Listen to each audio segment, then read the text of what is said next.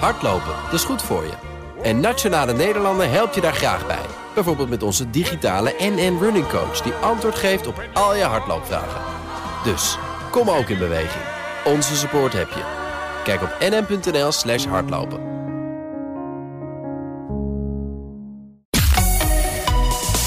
BNR Nieuwsradio.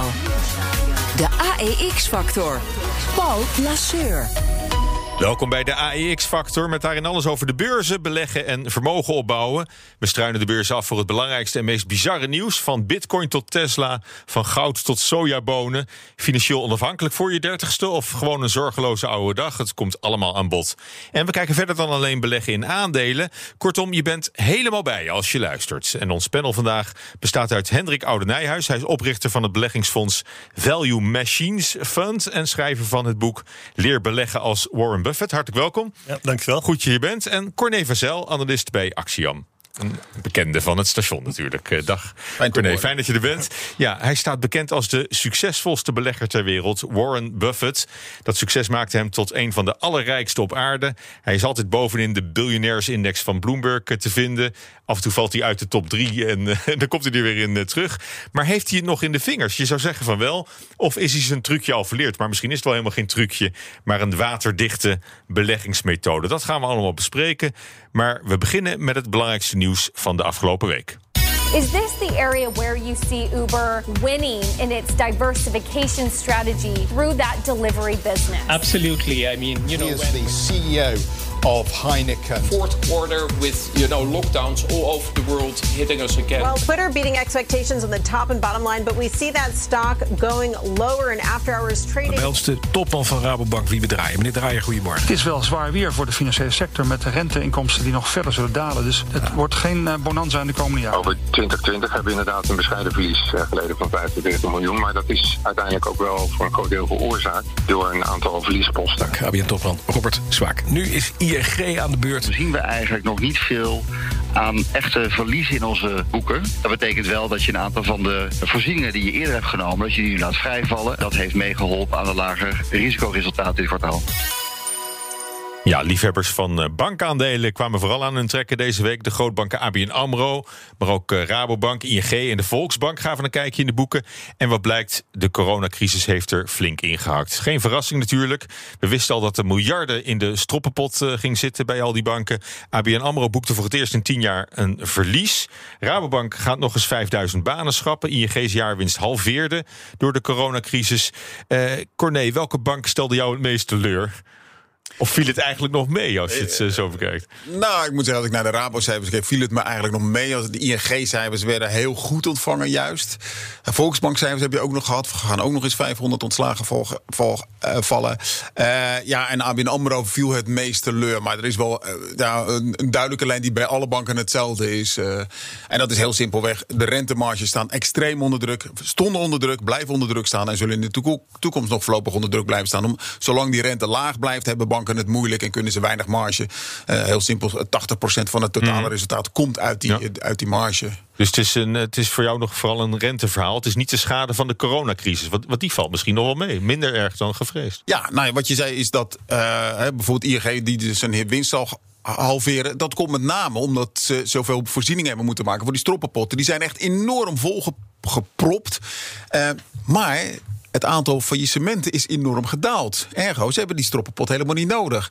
En daar zal Nog bijvoorbeeld- niet, nog niet, Corné. Ja, dat is een hele belangrijke, eh, inderdaad. Maar op dit moment hebben ze ze niet nodig. En daarom zegt ING bijvoorbeeld, nou, die pot zit wel heel erg vol. We voegen er wel wat aan toe, hè, 208 miljard, eh, miljoen. Eh, terwijl er op eh, ruim 700 miljoen was gerekend. En daar zat eh, echt een grote meevaller in. Dus het geeft aan Hmm. Maar dat... komt ook door overheidssteun natuurlijk. Hè? Dat, dat- Tuurlijk. Dat, eh, dat houdt, eh, dat houdt al, die, al die klanten van banken natuurlijk ook een beetje overeind. Eh, Amerikaanse banken die beginnen alweer wat geld uit die stroppenpot eh, te halen, Ja. lijkt het. Eh, is dat wat bij ons ook op termijn gaat gebeuren? Nou, je hoorde de ING over praten, over vrijvallen van voorzieningen. Ja, dat lijkt mij uitermate voorbarig. En ik zou zeggen, wacht nou eerst maar het komend jaar even af... hoe de economie draait en hoe al die bedrijven draaien zonder die overheidssteun. En kijk hoeveel er dan overblijft en hoeveel je van die stroppenpotten dan nodig hebt. Maar dat is natuurlijk wel wat al die bedrijven overeind houdt. En ja, als er niemand iemand failliet gaat, hoef je die lening ook niet af te schrijven. Ja. Hendrik, zit, zit jij met jouw fonds ook in, eh, in, dik in de banken? of, uh, zeker, zeker niet. Categorie die ik absoluut uh, zou mijden. Ja, die stroppenpotten, ze, ze hebben daar allemaal uh, reserveringen voor, voor getroffen. Maar iedere bank heeft ook zijn eigen uh, systeem daarvoor. De ene bank die, is, uh, die, die gaat van veel optimistische veronderstellingen uit dan de andere bank. Dus stel, um, de ABN AMRO zou zijn overgenomen door de Rabobank. En dan zou de ABN AMRO-divisie hmm. wellicht heel andere cijfers hebben gepresenteerd dan ABN AMRO uh, nu zelfstandig. Dus het is maar net hoe prudent je bent eigenlijk. En hoeveel je opzij legt. Iedereen heeft zijn eigen regeltjes. En uh, je, je, kunt... Uh, ja, het mm. zijn eigenlijk een soort, soort sprookjes. Maar het grote plaatje van, voor de banken is die, de transparantie. Alles wordt inzichtelijker. Je hebt die, die, regelgeving die alsmaar strenger wordt. En mm. deels daaraan gerelateerd zijn ook de, de boetes die, mm. die banken krijgen. Nou ja, de, de lage rente is, het, uh, is een groot, uh, groot probleem. De disruptie vanuit de, de technologische hoek. Apple, wellicht uh, Alphabet, die steeds de kanten van de bank opkomen. Het is, is een moeilijk, moeilijk verhaal. Ze hebben hoge kosten, kostenbasis bij al hun personeel en mm. kantoren. Ja, ik, ik, dus die, ik ben die harde organisaties, dat is nog niet eens zo'n gek idee. Als nee, en, dat zal, zal, ik gewoon, gewoon verder gaan. En ik, ik, ik ben... Ik, ik, ik zou als belegger uh, verder van blijven. Hmm. Nou ja, goed, je kunt ook zeggen, hè, die miljarden die in de stroppenpot zitten bij elkaar, dat, uh, dat uh, is misschien helemaal niet eens nodig. Hè. Het blijft ook erg rustig op de afdelingen bijzonder beheer, hè, de intensive care van de, van de banken, voor, voor bedrijven in grote nood. Want al die bedrijven, die, die zouden zonder overheidssteun natuurlijk al lang in de financiële penarie zitten. Maar dat ja, wordt, en de banken zelf ook. Ja, ja de banken zelf ook. Maar dat wordt allemaal nu een beetje uitgesmeerd. Ja, inderdaad. Maar uh, de, de, grote vraag is: hoe lang gaat die overheidssteun door en uh, is het genoeg? Kijk, dat er volgend jaar een, een golf met faillissementen komt. Ja, dat lijkt mij wel logisch. Hoeveel van die bedrijven redden het zonder die overheidssteun? En, en ja, daar gaat, eh, gaan alle banken een, een, last van hebben. Ja. En die lage rente, had jij ooit gedacht dat dat zo lang zou, zou gaan duren? Die lage rente? Of niet al lang? Het was er al lang een keer tijd om, uh, om wel weer wat op te lopen. Ja, inderdaad. Ik weet niet wat jij op je spaarbankboekje hebt staan. Maar als je meer dan een kwart miljoen erop hebt staan, dan uh, moet je een half procent betalen. Uh, dat, dat is toch. Nou, daar, daar, kom ik nog niet in de buurt. Maar dat is jammer voor je. ik ben net ook betalen over mijn spaargeld. Maar, wat betreft die, die lage rente is wel leuk om op te merken. Heel veel analisten hebben het over de lage rente. En wanneer die omhoog zal gaan. Maar je hoort nu bijna niemand zeggen van... ik denk dat de rente omlaag gaat. En op de beurs is het vaak zoals iedereen zegt hij gaat omhoog, dan gaat het omlaag. Als iedereen zegt het gaat omlaag, gaat het omhoog.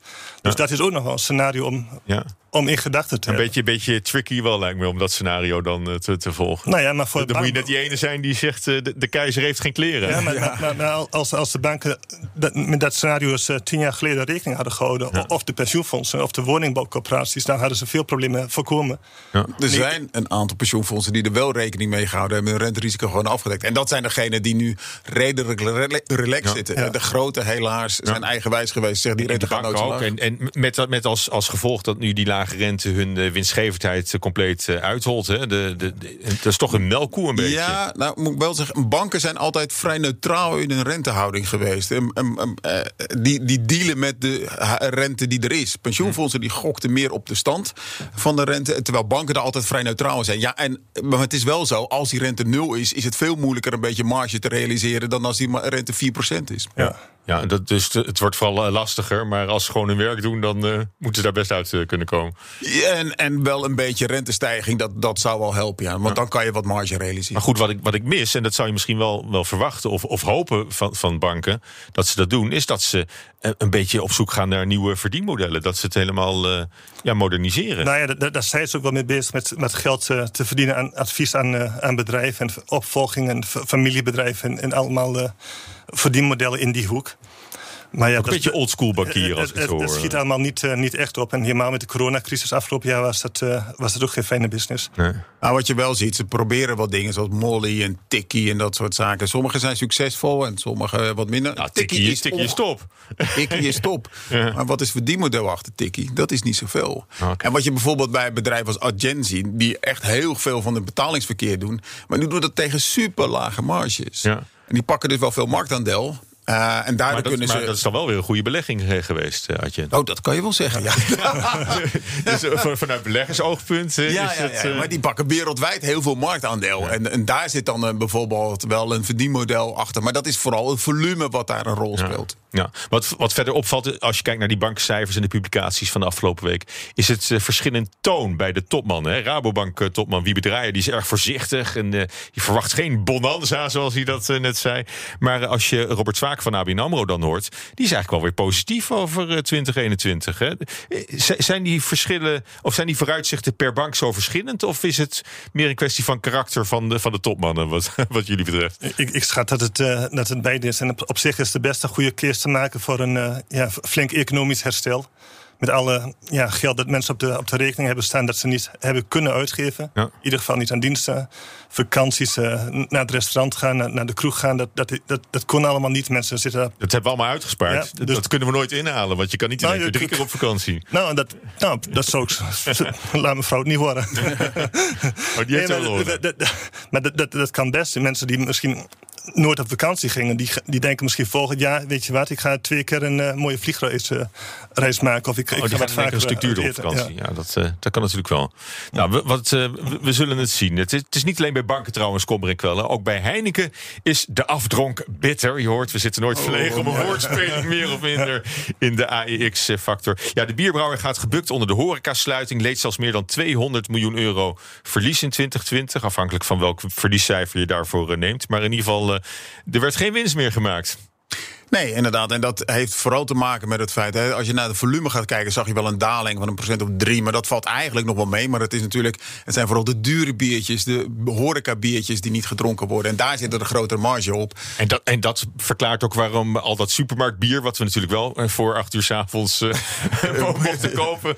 dat uh, heeft de ellende voor, voor Heineken niet, uh, niet goed kunnen maken. Nee, dat klopt. Maar als, als je nu even los van de coronacrisis naar, naar Heineken kijkt... het, het merk buiten Nederland om. Dat is echt een uh, premium uh, merk. Volgens mij op de 0.0 uh, bieren zijn ze wereldmarkt. Maar, maar, maar, dat roepen ze altijd bij Heineken. Hè? Wij zijn van premiumtization. van het, ja, klopt, maar, maar die, die, die, trend, die trend zet ook door. En, en, op zich is er met Heineken niet zo heel veel aan de hand. Behalve dat er minder bier wordt gedronken. Maar dat, dat komt wel weer. Nou, niet veel aan de hand. Er wordt echt waanzinnig bespaard natuurlijk. Hè? Ja, maar, dat is een beetje... de mensen uit weer. Dat, dat klopt. Maar dat is de, de standaard uh, Riedel als de omzet flink onder druk staat. Maar, dus het was wachten op een, op een excuusje om er weer 8000 man uit te gooien. Nou, ja, Dit is natuurlijk zo, een prachtig excuus. kun je het denk ik best, uh, best noemen, ja. Dat vind je niet heel cynisch om dat zo te...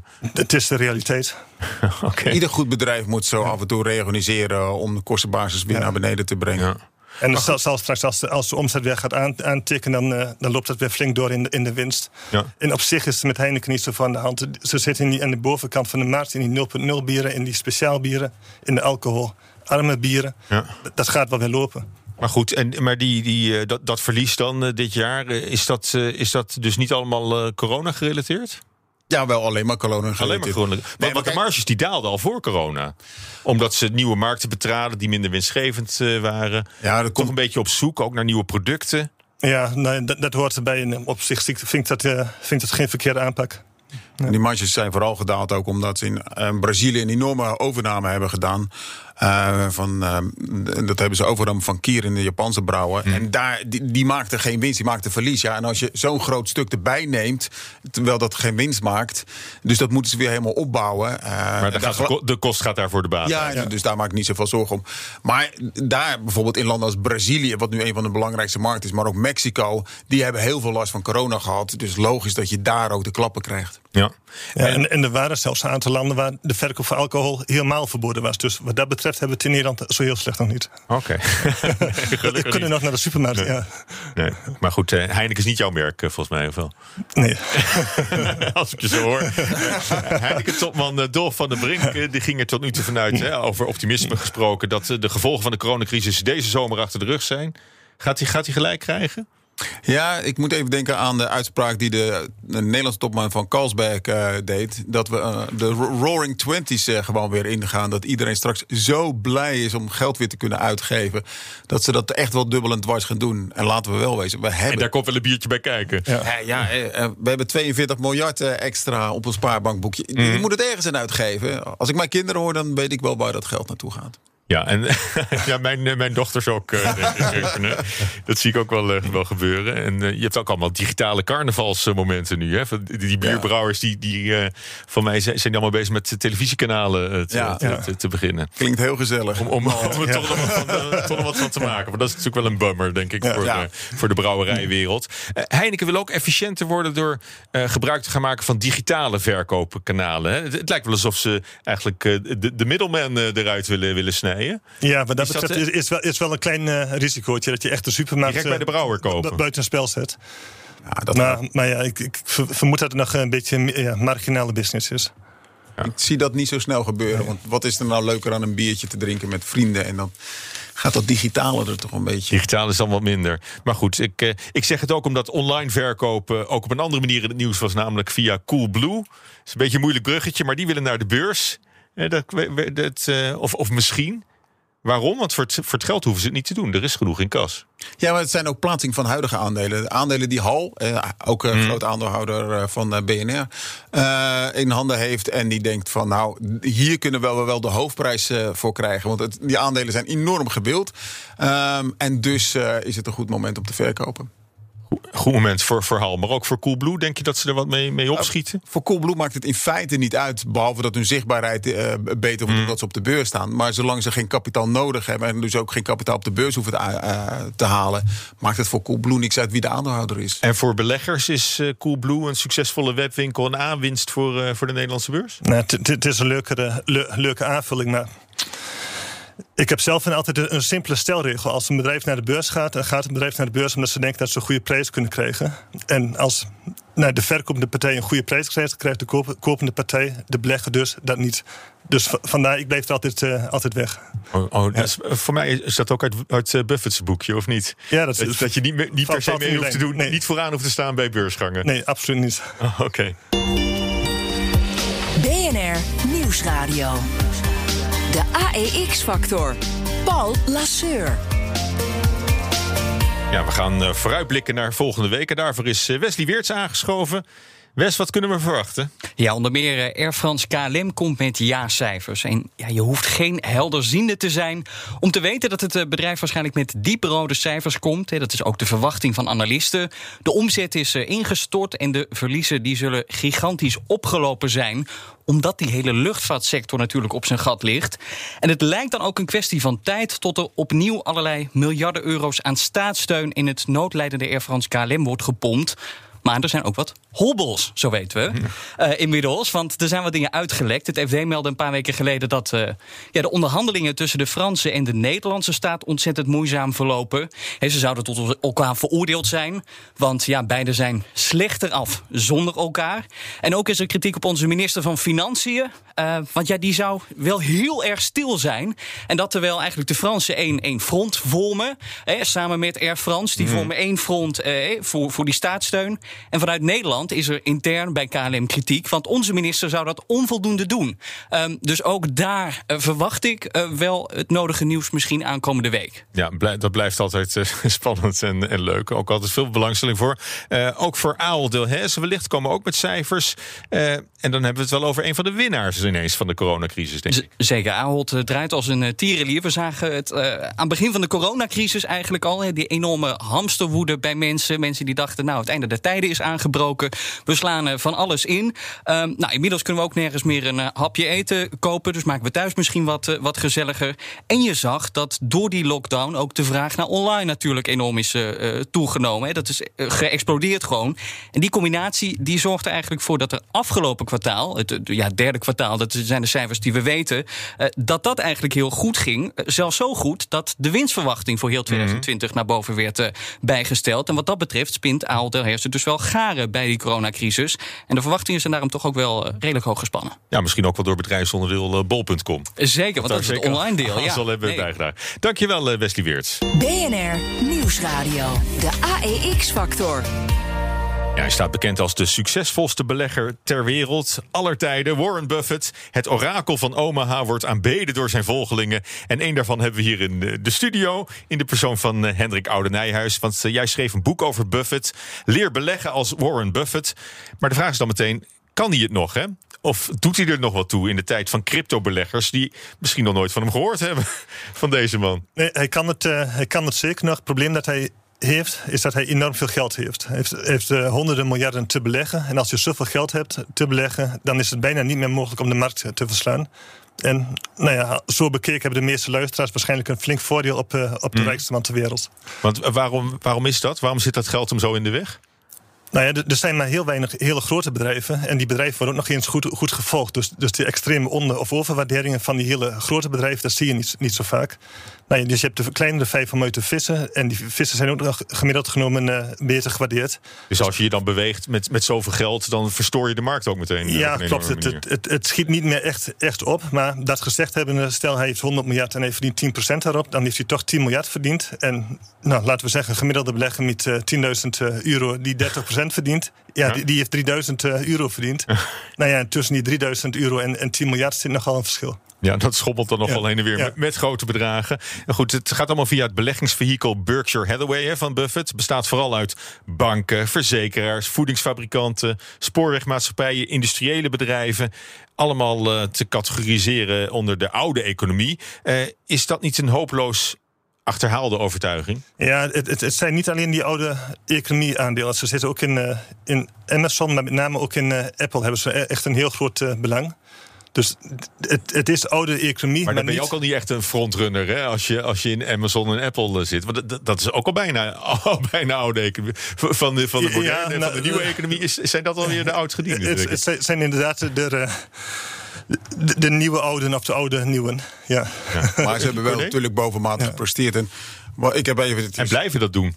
ja. En blijven dat doen, zeker. Uh, ik sta ervan te kijken hoe groot die bedrijven zijn en wat voor winstgroei ze nog kunnen realiseren. En met name hmm. bij Amazon zie je dat de winstgroei eigenlijk nu, nu de oren uitloopt. Uh, dat, en, en, al die jaren en, door die enorme koersstijging, denk ik, bij, bij Amazon bijvoorbeeld, is, is dat intussen ook een belangrijk deel van de hele portefeuille van Berkshire Hathaway geworden? Nou ja, um, Amazon valt, valt, wel meer. Dat is voor mij een belang van een miljard of twee miljard. En dat hmm. is voor, voor, voor, de meeste mensen veel geld, maar voor Berkshire Hathaway is het uh, hmm. verwaarloosbaar. Maar Apple, dat is inderdaad een uh, enorm belang. Ja, want jarenlang moest, moest Buffett eigenlijk niets hebben van tech-aandelen, maar hij, hij, is wel om hè, inmiddels. Ja, en ik denk dat het achteraf gezien een, uh, een fout is geweest. Hij, hij vergeleek uh, tech-aandelen altijd nou? als, uh, als. ja. fout? ja, een verkeerde inschatting van, van de meester zelf? Ja, inderdaad. En zelfs dan kun je dus blijkbaar alsnog de rijkste man ter wereld, wereld worden. Ja. Maar hij, hij vergeleek tech, techbedrijven altijd als bedrijven die niet over een competitieve positie hadden, die zich niet van de concurrentie duurzaam konden onderscheiden. Mm. En met bedrijven als Amazon, maar ook Google en. en ja, bedrijven als Apple, die hebben toch wel iets wat de, de concurrentie niet kan. Ja. En nou ja, in, in, die zin zijn het wel weer typische Buffett-bedrijven. Ja. Wat, wat ik altijd uh, had begrepen, maar ik, ik heb me nooit, nooit zo heel erg verdiept in Warren Buffett. Maar dat is uh, dat hij alleen belegt in bedrijven die, waar, waarvan van hij het businessmodel precies uh, begrijpt. Ja, klopt. Ja. En, en, snapt wat ze maken. Was dat ook een probleem met, in de techsector? Ja, klopt. Die, die bedrijven werden vaak ingehaald door, door, door, een concurrent. Dat ging altijd vrij, vrij vlot. Dus, en daar was ook de reden dat Buffett die bedrijven gemeden heeft. Maar mm. over Apple en Amazon, ja, hoewel Amazon dan niet een, een belegging is geweest die Buffett zelf heeft, uh, heeft gedaan, maar ook, ook een Google, dat, dat zijn ook weer niet zulke moeilijke bedrijven om, om te mhm. begrijpen. Vanwege die netwerkeffecten. Als je één keer dat netwerk in handen hebt, ja, dat blijft wel bestaan. En daar kom je bijna niet meer tussen. Zelfs uh, Europa, die, die, die probeert. Uh, Um, alfabet het leven op allerlei manieren zuur te maken. Maar als je nu kijkt naar die marktaandelen, ja, die, die dalen niet. Ja. Nou, en, en, trouwens, nog een stelregel van zichzelf die, waarmee hij gebroken heeft, is instappen bij beursintroducties. Hij heeft uh, honderden miljoenen dollars in Snowflake uh, gestopt. Een start-up in dataopslag in de cloud. Nou ja, dat is, dat is toch niet echt helemaal uh, Buffettiaans? Nee, dat klopt, klopt, klopt inderdaad.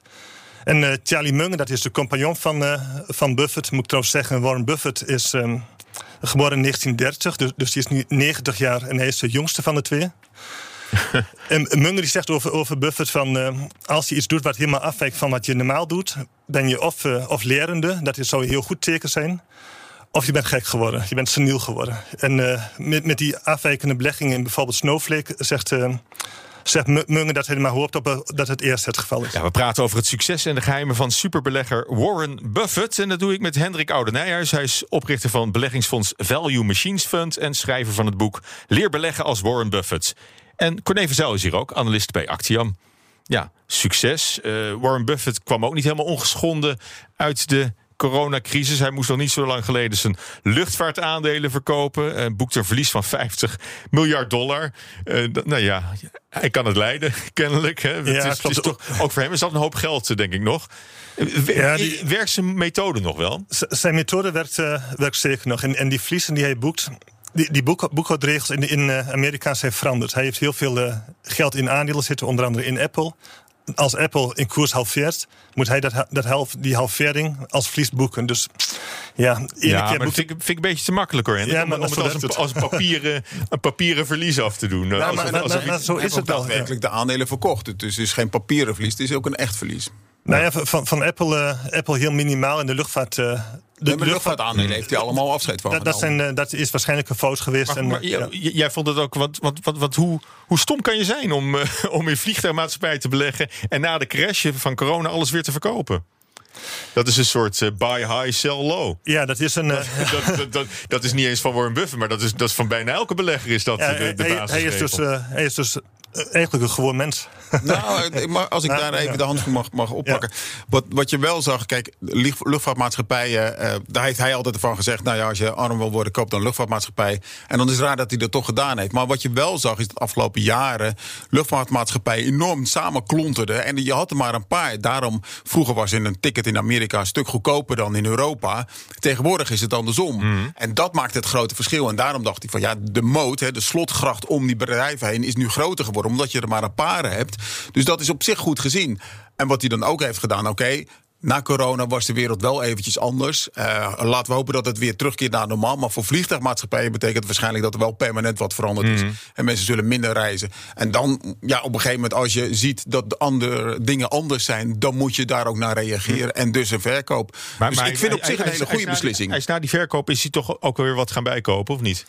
Van luchtvaartmaatschappijen niet, nee. Nee, je ziet daar toch helemaal uh, ja. definitief uit, ja, uit weg. Daar is hij nu wel klaar mee. Ja. Nou, misschien is dat ook wel een teken aan de wand. Ja. Uh, ja, dit laat ook wel weer zien dat je niet altijd moet luisteren naar superbeleggers als Warren Buffett. Je moet niet kritiekloos, denk ik, achter ze aanlopen. Nee, maar moet dat is ook niet wat je doet, hè? Altijd zelf je, je zelf blijven denken. Gezond, gezond verstand blijven gebruiken. Ja. Want hij zei eerder dat hij niet van plan was om vanwege coronacrisis te gaan verkopen. nou goed, een paar weken later uh, kwam dan toch die, uh, eigenlijk die dump van, uh, van zijn luchtvaartaandelen. ja, maar, maar, ja, maar, je moet wel opmerken, in het in het grote geheel stelt het ook weer niet zoveel, niet zoveel voor. Het is een paar miljard uh, dat hij heeft verkocht. Het is een, Berkshire heeft een beurswaarde van rond de 500 miljard. Ja, het, het is nee, nee, een nee, goede voor, beurs. Voor Berkshire Hathaway uh, is, het, uh, is het een druppel op de groeiende plaat, denk ik. Maar voor al die andere beleggers die kijken naar wat Warren Buffett doet... omdat hij een, een natuurlijk een enorm track record heeft in al zijn beleggingen...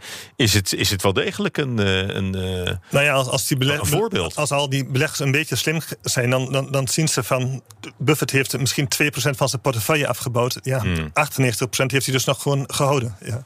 Dus je, je moet het wel relatief uh, bekijken. Ja, precies, ja, dat, dat, is wat je ook wel, uh, wel probeert uh, te doen. Um, waar, waar komt je fascinatie voor Buffett eigenlijk vandaan? Nou, ik ben vrij jong begonnen uh, met... Ja, dat, dat, dat, was ook een vraag. ja. Je lijkt me een beetje jong voor een, voor een Buffett-aanhanger. Nou, dat, dat valt op zich meer. Buffett zelf die is uh, begonnen met beleggen toen hij elf jaar was. Hij zegt dat hij spijt heeft van zijn eerste elf jaar uh, van zijn leven. Dat hij die verprutst heeft. En met, met beleggen kun je het best zo, zo, jong mogelijk beginnen. Omdat je dan het effect van compounding, het rente-op-rente effect... optimaal kunt, kunt benutten. En dat is ook eigenlijk de verklaring dat Buffett ja, van krantenjongen tot de rijkste man ter mhm. wereld is kunnen uitgroeien. Ja, vorige week hadden we het over de FIRE-beweging. Ja. Dus uh, dan moet je ook jong, jong beginnen. Maar dat is... het, het, hoeft niet, maar als je mij, hoe, hoe, uh, hoe jonger je begint, hoe langer je pensioen is. Ja. ja. Maar goed, hij, hij, is toch een beetje een, een beursdinosaurus. Helemaal als je dat vergelijkt met, uh, met Elon Musk bijvoorbeeld. Hè, die, dan, die dan even twittert over, over bitcoin of daar met anderhalf miljard instapt. En dan ja, dat, dat zijn. Uh, dan blaast hij ook de koers alweer uh, weer omhoog. Dat zijn twee verschillende manieren, twee, twee verschillende mensen, twee verschillende. Ja, twee uitersten, om het zo maar te zeggen. Ja. Heb jij die, deel jij die fascinatie voor Warren Buffett, Corné?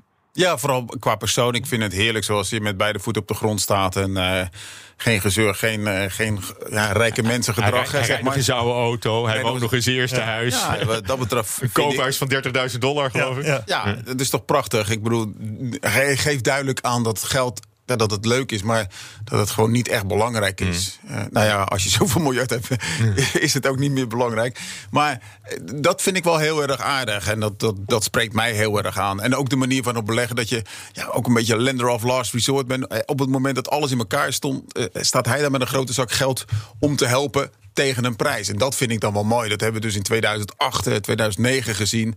Toen stond hij daar eh, van ja, eh, als iemand mijn hulp nodig hebt, eh, laat hem maar even bellen. En zo is Goldman Sachs bijvoorbeeld gekregen. En dan krijgt hij wel de hoofdprijs ook voor. En dat vind ik wel een heel mo- mooi fenomeen. eh. Ja. Ooit ontmoet?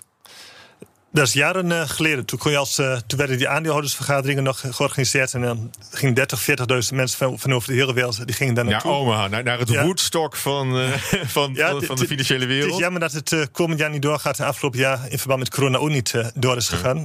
Maar toen eh, kon je... dan speelde hij nog op de ukulele en zo. Ja, dat- ook dat- een beetje, het- is toch wel een beetje rockster gedrag dan, vind je niet? Ja. Of, was het toch een beetje de, de, de, de geschikte oom met, Het is één groot feest. Het is een stadion wat vol zit met beleggers die vragen stellen aan, eh, aan Buffett en Munger over allerlei onderwerpen. En, Het zijn net de, net de Muppets zijn het dan, hè? ja, daar komt er wel- op neer. Maar het heeft ook wel een soort cultuur, een soort groepsgevoel van waarvan je denkt: hier wil ik bij horen. Is, Dat, ja, dat, je vond het een inspirerend eh, z- moment. Zeker. Ik zou, ik, ik zou het iedere belegger aanraden, zolang het nog bestaat, om een keer naartoe te gaan. Ja. Ja. Wat wel mooi is, is dat eh, het geeft een groepsgevoel. Maar het is wel een beetje eh, George Orwell van... eh eh, we zijn allemaal gelijk als aandeelhouder, maar de, degene die achter de tafel zijn, zijn een beetje gelijk. Want corporate governance is ver te zoeken. Je hebt als aandeelhouder, externe aandeelhouder, heb jij helemaal niks te zeggen. Geef niet, zolang je vertrouwen hebt in meneer Buffett is dat goed. En dat geldt voor heel veel techbedrijven, idem dito. Maar eh, denk niet dat je als aandeelhouder wat te zeggen hebt daar. Ja, nou goed, maar hij is, hij is, hij is inmiddels 90, hè? dat zei je net al. Ja, ja. Dat is, dat is toch echt wel hoog bejaard. Maar misschien, eh, misschien houdt, houdt geld je wel gezond. Dat weet ik niet. Nou ja, Of, of de Cola Light. eh. Cola Light. Ja. Nou, Munger heeft het inderdaad wel eens ge- gezegd. Van value beleggers, dat zijn vaak mensen die, die een hoge leeftijd eh, halen. En, en mensen in de, in de journalistiek, daar, daar geldt het tegengestelde voor. Want die hebben vaak met deadlines te maken. Die hebben veel meer stress. En eh, die overlijden vaak gemiddeld eh, jonger. Ja. Oh, dus het zou best wel eens kunnen dat het, eh, Nou dus dat het hem jong houdt. eh, Die, eh, het, het maakt hem denk ik niet, eh, niet ouder. Hij heeft wel een uitdaging in zijn leven. Hij, hij doet wat hij leuk vindt. En, en dat is denk ik wel een belangrijke factor. Ja. Maar goed, en, en, en dat zuinige leven misschien wel, hè? Dat, dat, dat, dat, dat maakt hem ook sympathieker natuurlijk. Ik denk als je, als je heel veel mensen aardig gevonden wordt, dat je dan ook ouder wordt. Dat, dat Zou helpt ook. kunnen? ja, Zou ja. vast helpen. Ja. Maar goed, eh, eh, ik denk dat, dat mensen die, eh, die minder onder de indruk zijn van Warren Buffett, die, die denken al gauw, het, het zijn een soort eh, tegelwijsheden eh, waar, waar je ook niet, eh, niet blind op kan varen.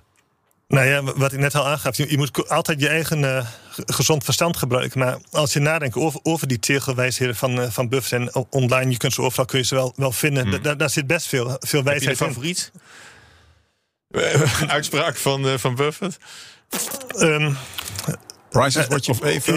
ja, ik, ik sta nog te nadenken over, een andere uitspraak. Ehm, En zoveel. eh, eh, hij, ehm, hij, hij, hij heeft het o- over een, eh, sneeuwbal, sneeuwbal als, Ja. als een eh, voorbeeld voor, van Capone, het rente-op-rente effect. Ja. En hij zegt, nou, ja, dat is met deze dagen ook wel toepasselijk, eh, dat, dat het van belang is dat je een, eh, een, eh, een na- natte sneeuw vindt en een hele lange heuvel. En dat op tijd. En dat staat eigenlijk eh, ja, symbool voor zijn beleggingsfilosofie, maar ook in heel veel eh, zaken in het leven waar toch in zekere zin wel componing op van, eh, van toepassing is. Ja. Nou, Cor- Corné heeft op het info, infoveld van zijn WhatsApp staan: saai beleggen is goed beleggen. Is dat, is dat ook door Buffett geïnspireerd? Of had hij het ook gezegd kunnen hebben? Hij is toevallig van mijzelf. maar eh, hij had het gezegd kunnen hebben. En het, eh, ja, het, het leuke is, ik heb het boek Hij zit, geschreven. hij zit nergens in voor de snelle winst, eh, krijg ik dit. Nee, nee, zeker niet. eh. De- En jij ook de- niet, de- eh. eh, ik wou dat ik het geduld van hem had, eh, soms moet ik zeggen. Maar ik, ik heb het boek geschreven, 365 tegeltjeswijsheden. En dan is Buffett zo'n prachtige bron met ja, briljante uitspraken. eigen hoofdstuk heeft hij hier. Ik zou er een apart hoofdstuk van moeten maken. Want er zijn er zoveel en zulke goeie. Dat, Ja, maar eh, dat heb jij al gemaakt, dat boek. Maar goed, het, het is, dat is dan het gekke. hè. Het is allemaal geen rocket science. Ook als ik jullie zo hoor, het is gewoon... Het is geduld hebben. Het is... Het is eh, eh, ja, dat, dat is eigenlijk het belangrijkste. ja, inderdaad. Ja, en, hè, geduld hebben. Alleen in bedrijven die je begrijpt uh, gaan, gaan zitten. Niet, niet, niet meehollen met, uh, met de meute achter, achter tech aan waar je, waar je, waar je niks Nou, van snapt. In 2000 was hij het lulletje van de klas. En een, een paar jaar later stond hij eigenlijk te lachen. En in 2008 was die, eh, kon hij iedereen oprapen die- hulp nodig had. Een mooi voorbeeld. Wanneer ging hij hurricane eh, insurance verkopen?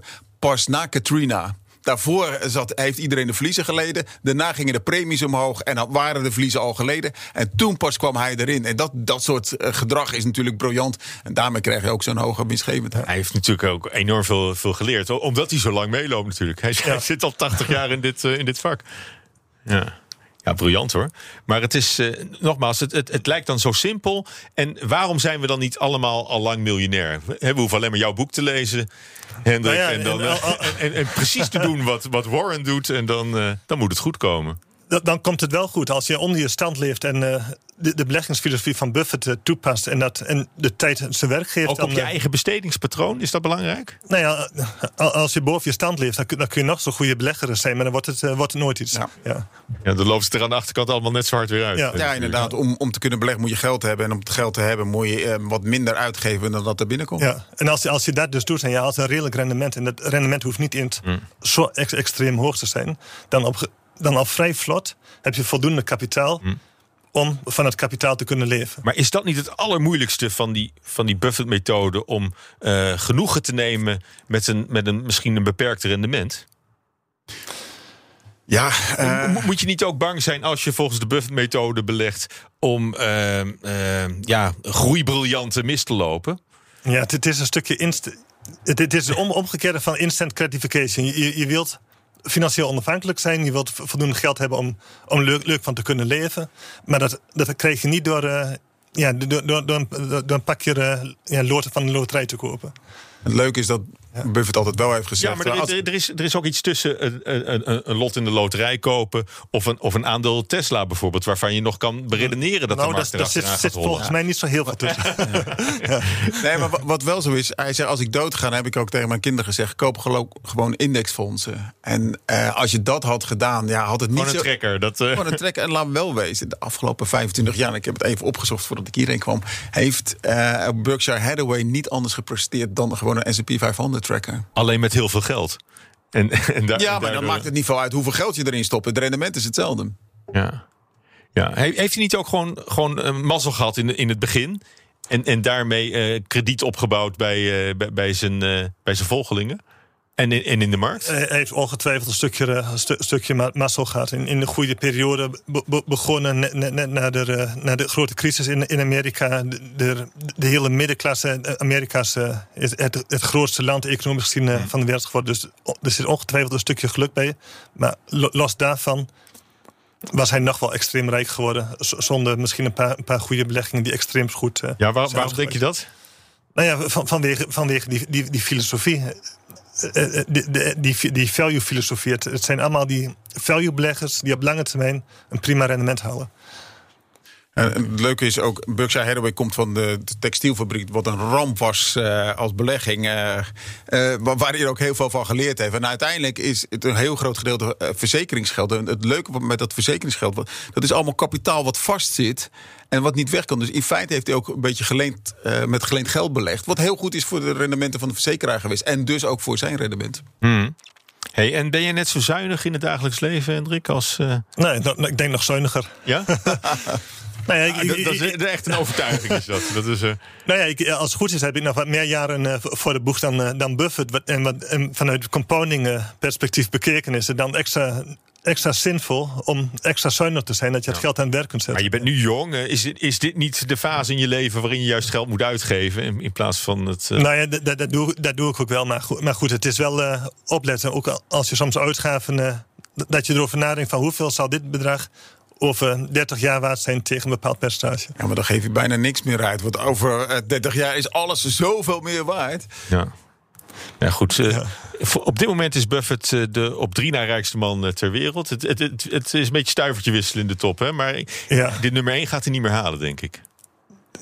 Ja, dat, dat, dat, Dat, ligt... zit, dat zit er gewoon. Voor mij kan je niet opnemen tegen het type welvaart als, eh, als van, eh, van, niet? van de, de Als groot, we- grootaandeelhouder van Amazon. Nou ja, dat, dat, ik, ehm, Jeff Bezos die kan weer een paar keer gaan, eh, gaan, gaan- hertrouwen en scheiden. En dan, en dan, en dan is Buffett Nou, daar weer... was hij vlug overheen. Ja, ja. financieel, eh, Ja. kunnen we zeggen. Ja. Nee, maar als, als de techbubbel barst, dan eh, ba- barst dus ook het vermogen van, eh, eh, van nummer 1 en nummer 2. En dan heb je dus een heel ander verhaal. Ja, en bovendien Berkshire... Voorspelling, eh Corné? Ik zeg als. Het, eh, eh, de voorspelling is dat toppen altijd hoger zijn dan langer en bubbels langer door kunnen gaan dat je van tevoren ooit voor mogelijk hebt gehouden. Ja.